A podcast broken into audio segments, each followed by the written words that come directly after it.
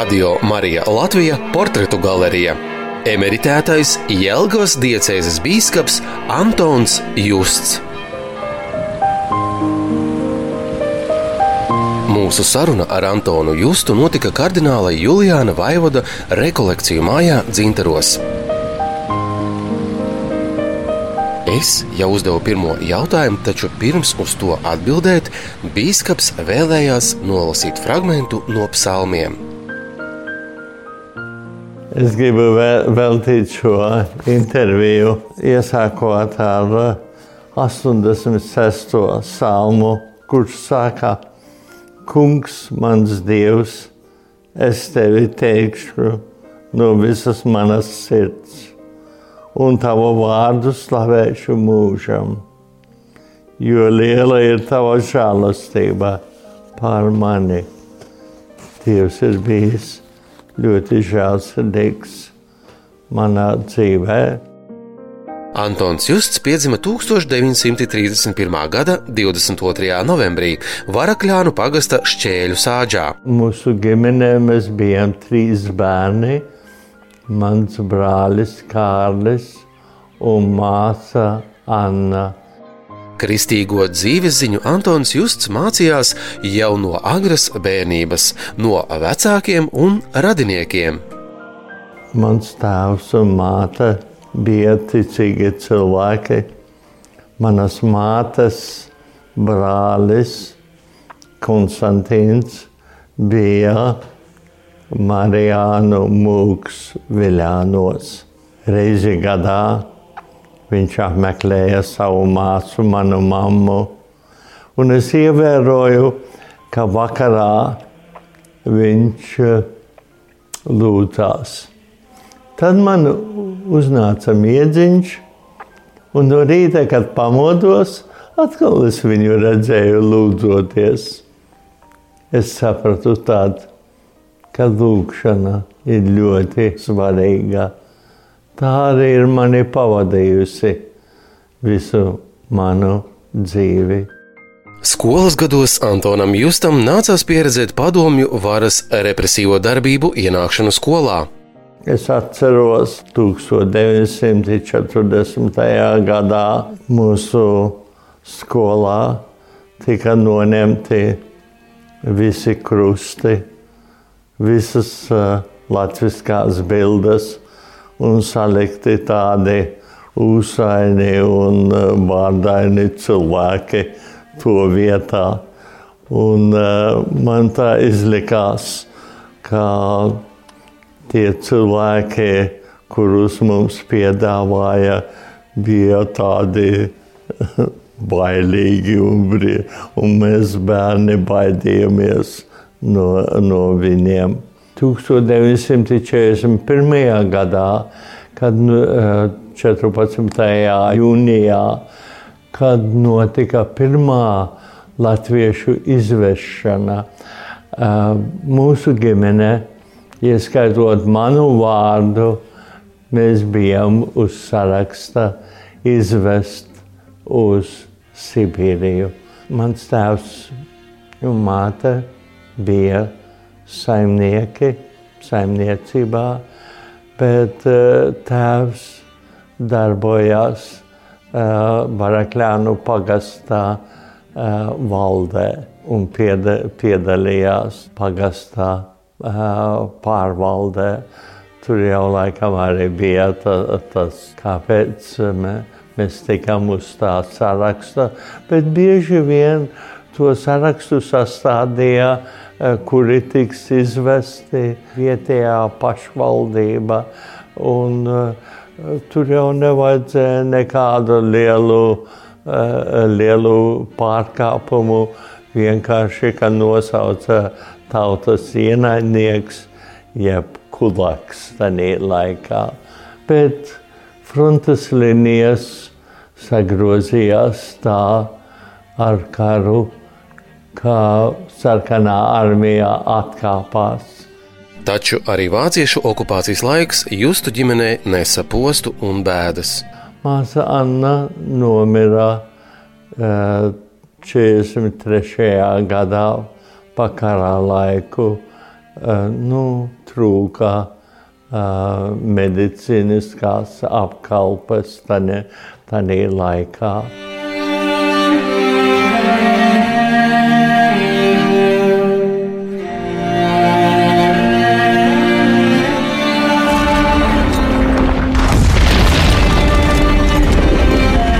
1944. gadā situācija mainījās par labu padomju savienībai, un tās karaspēks pamazām sāka atgūt zaudētās Latvijas teritorijas daļas. Ģimenes traģēdija un iespējamais ļaunais liktenis padomju okupācijas apstākļos Antona Justa ģimenei lika pieņemt nopietnu lēmumu. Kad sarkanā armija atgriezās 1944. gadā, mēs devāmies bēgļu gaitās ar, eh, ar diviem pajūgiem un eh, ar gobi piesietu eh, aizmugurē pie ratiem. Guvis bija, lai bērniem būtu piens.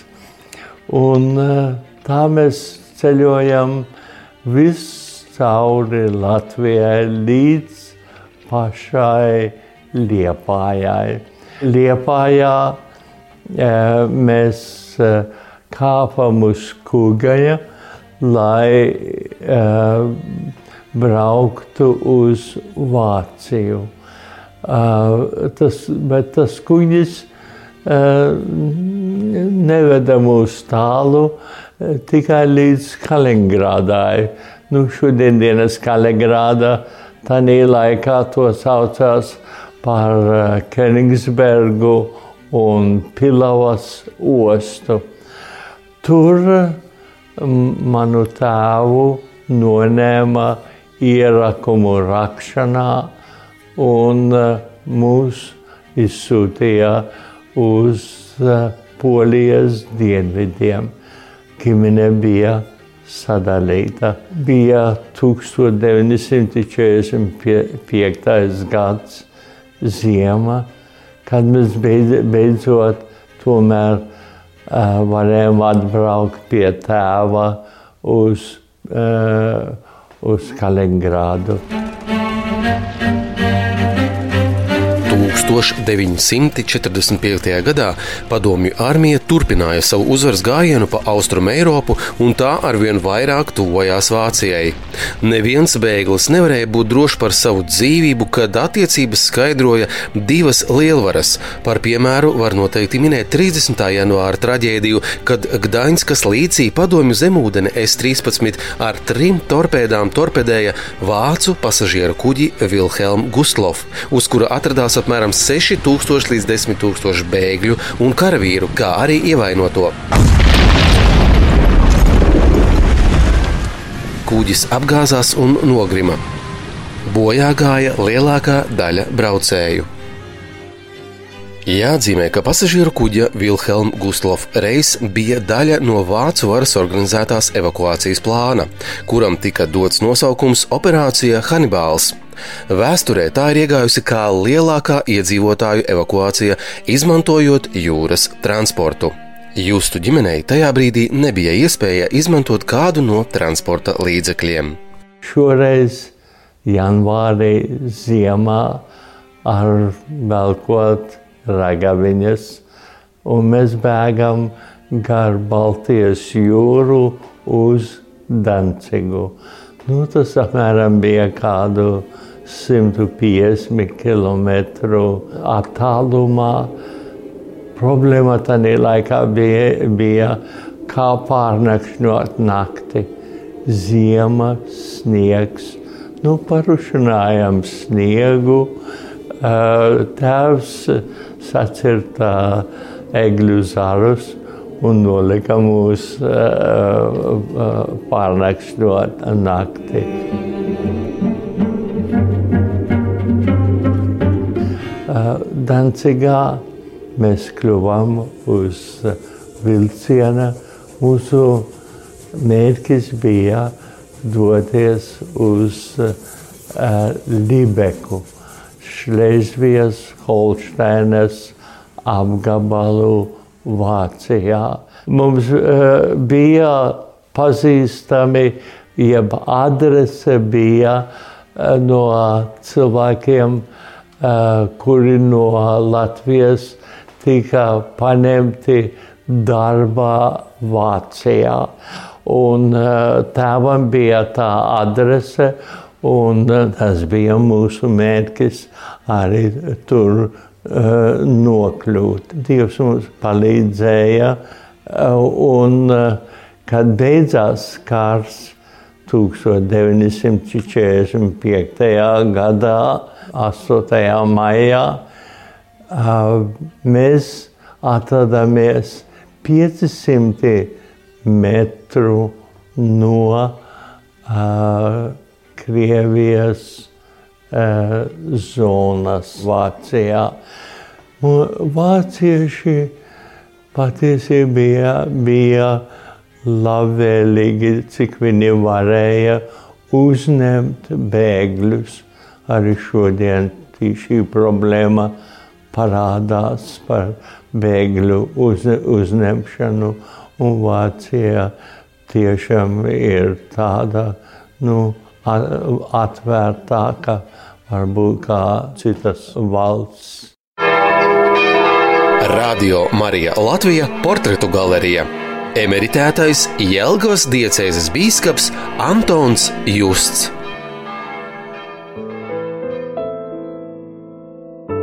Par Antona Justa ģimenes jauno dzimteni kļuva Vācija.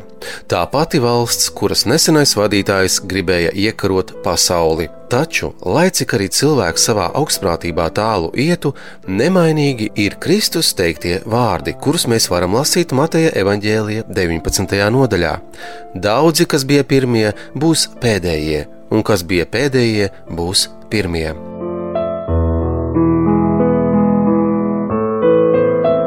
Pēc aptuveniem datiem Vācijā 1945. gada sākumā bija ap 580 tūkstošiem Baltijas valstu iedzīvotāju. Latvijas civilo bēgļu skaits Vācijā bija ap 202 tūkstošiem.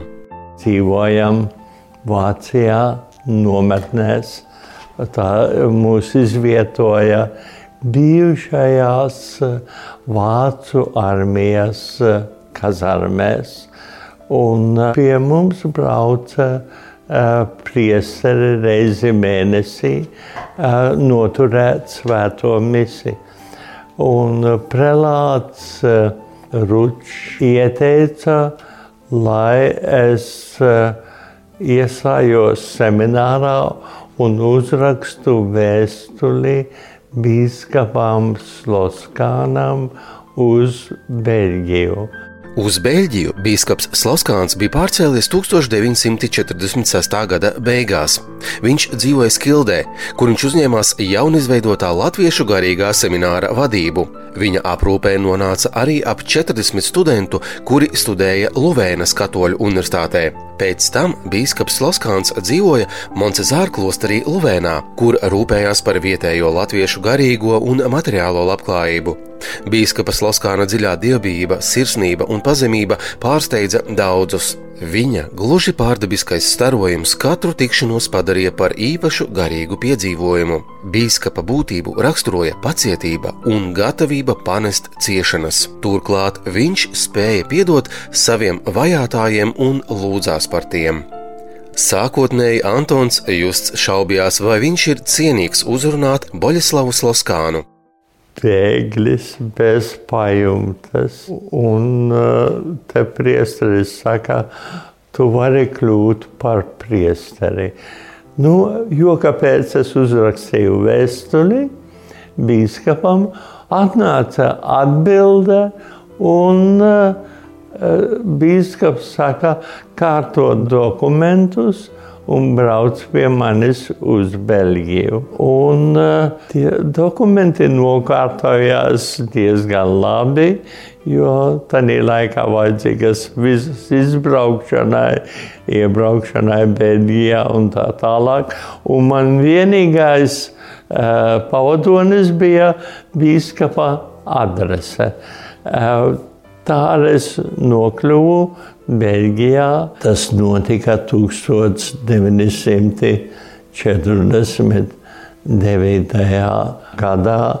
un man bija nepabeigta vidusskola.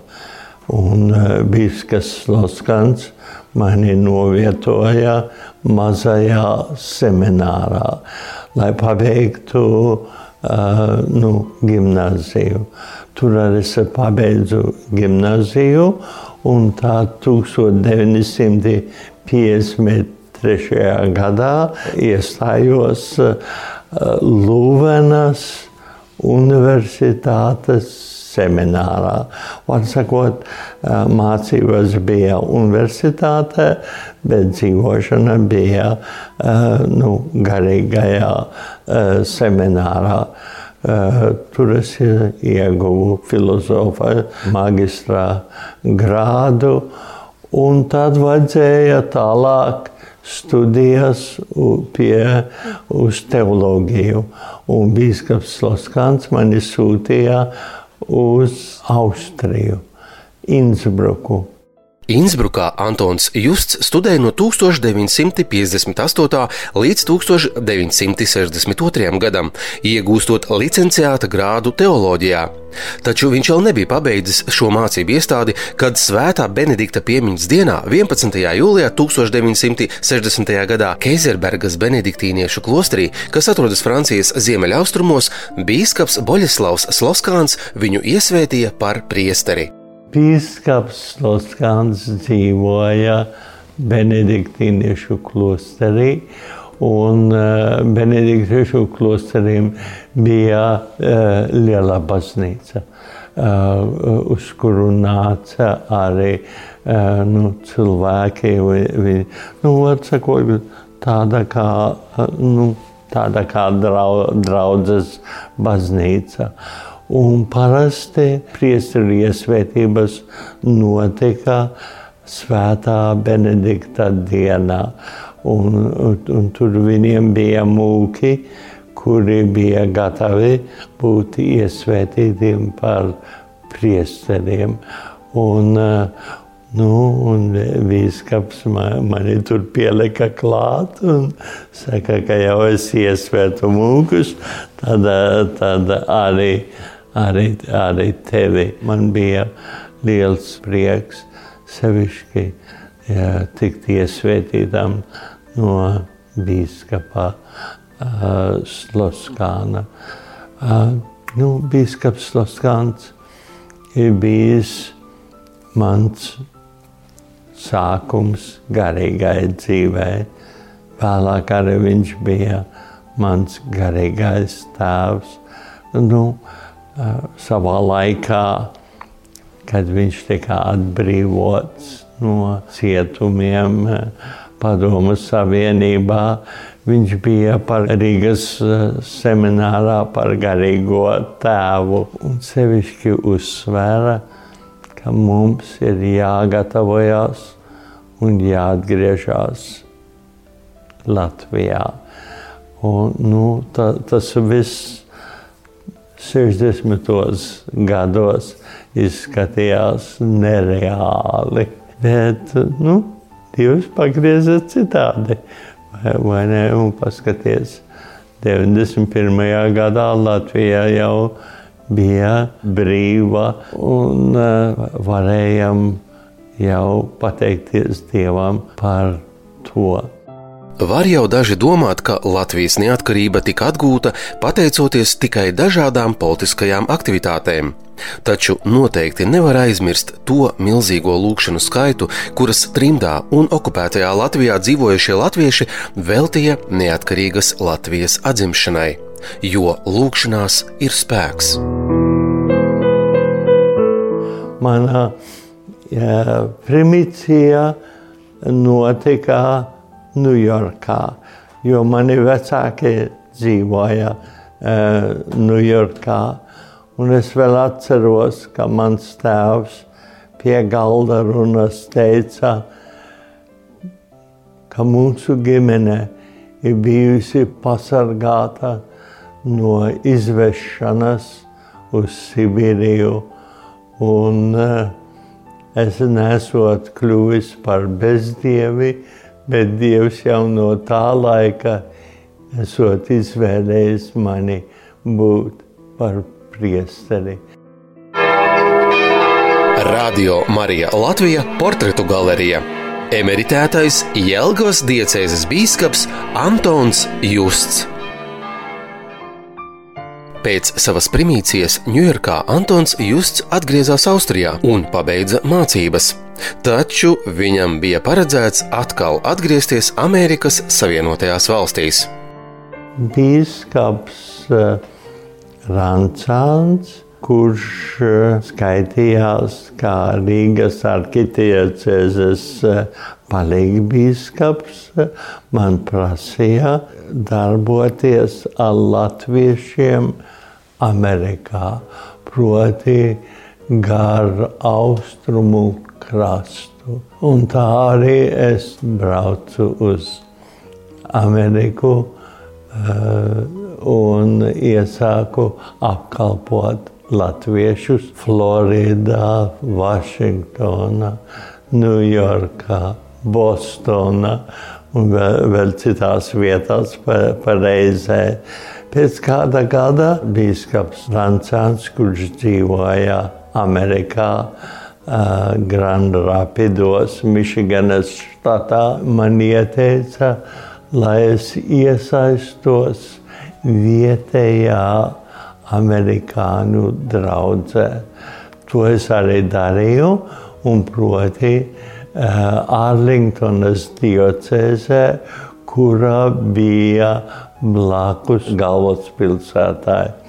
Tur es iesāku kā vikārs, vēlāk eh, vietējais bīskaps prasīja man kļūt par prāvestu. Tad vajadzēja dibināt jaunu draugu, amerikāņu, un uh, uzcelt baznīcu. Katoļi Amerikā ir apmēram 62% draudzes, sevišķi apkārt Vašingtonai. Vairāk cilvēki atbrauc uz Vašingtonu parasti, ka izmainās valdības. Var sakot, tā ir tāda augoša vieta. Tas bīskaps tur tā jau iepriekš noskatās zemi to nopērk un patur kādus 10, 20 gadus, un cilvēki jau sarodās, tad, tad ir jāceļ baznīca. Tā arī pienāca mana kārta to darīt. Neskatoties uz it kā labvēlīgāku ekonomisko situāciju Amerikas Savienotajās valstīs, dažādām aktivitātēm draudzes ceļš uz savu dievnamu nemaz nav tik viegls. Kā notiek baznīcas un draudzes atvēršana un, un uh, būvēšana uh, baznīcas. Uh, nu, bīskaps mani nozīmēja, tur ir tava teritorija, tā ir jaunās draudzes teritorija, tu ej un darbojies tur. Nu, mē, mēs iesā, iesākām ar, ar, ar noturot svēto misiju skolā. Cilvēki nāca un mēs vācam tādu ziedojumus dēļ baznīcas būves. Nu, protams, mums nebija pietiekoši, lai varētu nu, celt viena miljona dolāru baznīcu, bet bīskapam, uh, jeb diocēzei, bija tāda iniciatīva, ka visas kolektes tika noguldītas kādās divās bankās. Un tās bankas, no tām bankām mēs arī ņēmām aizdevumus. Un tad ar, ar gadiem e, jāatmaksā tas e, parāds. Bet galvenais jau, ka baznīca ir cilvēki nāk vēl vai, vairāk piedalās.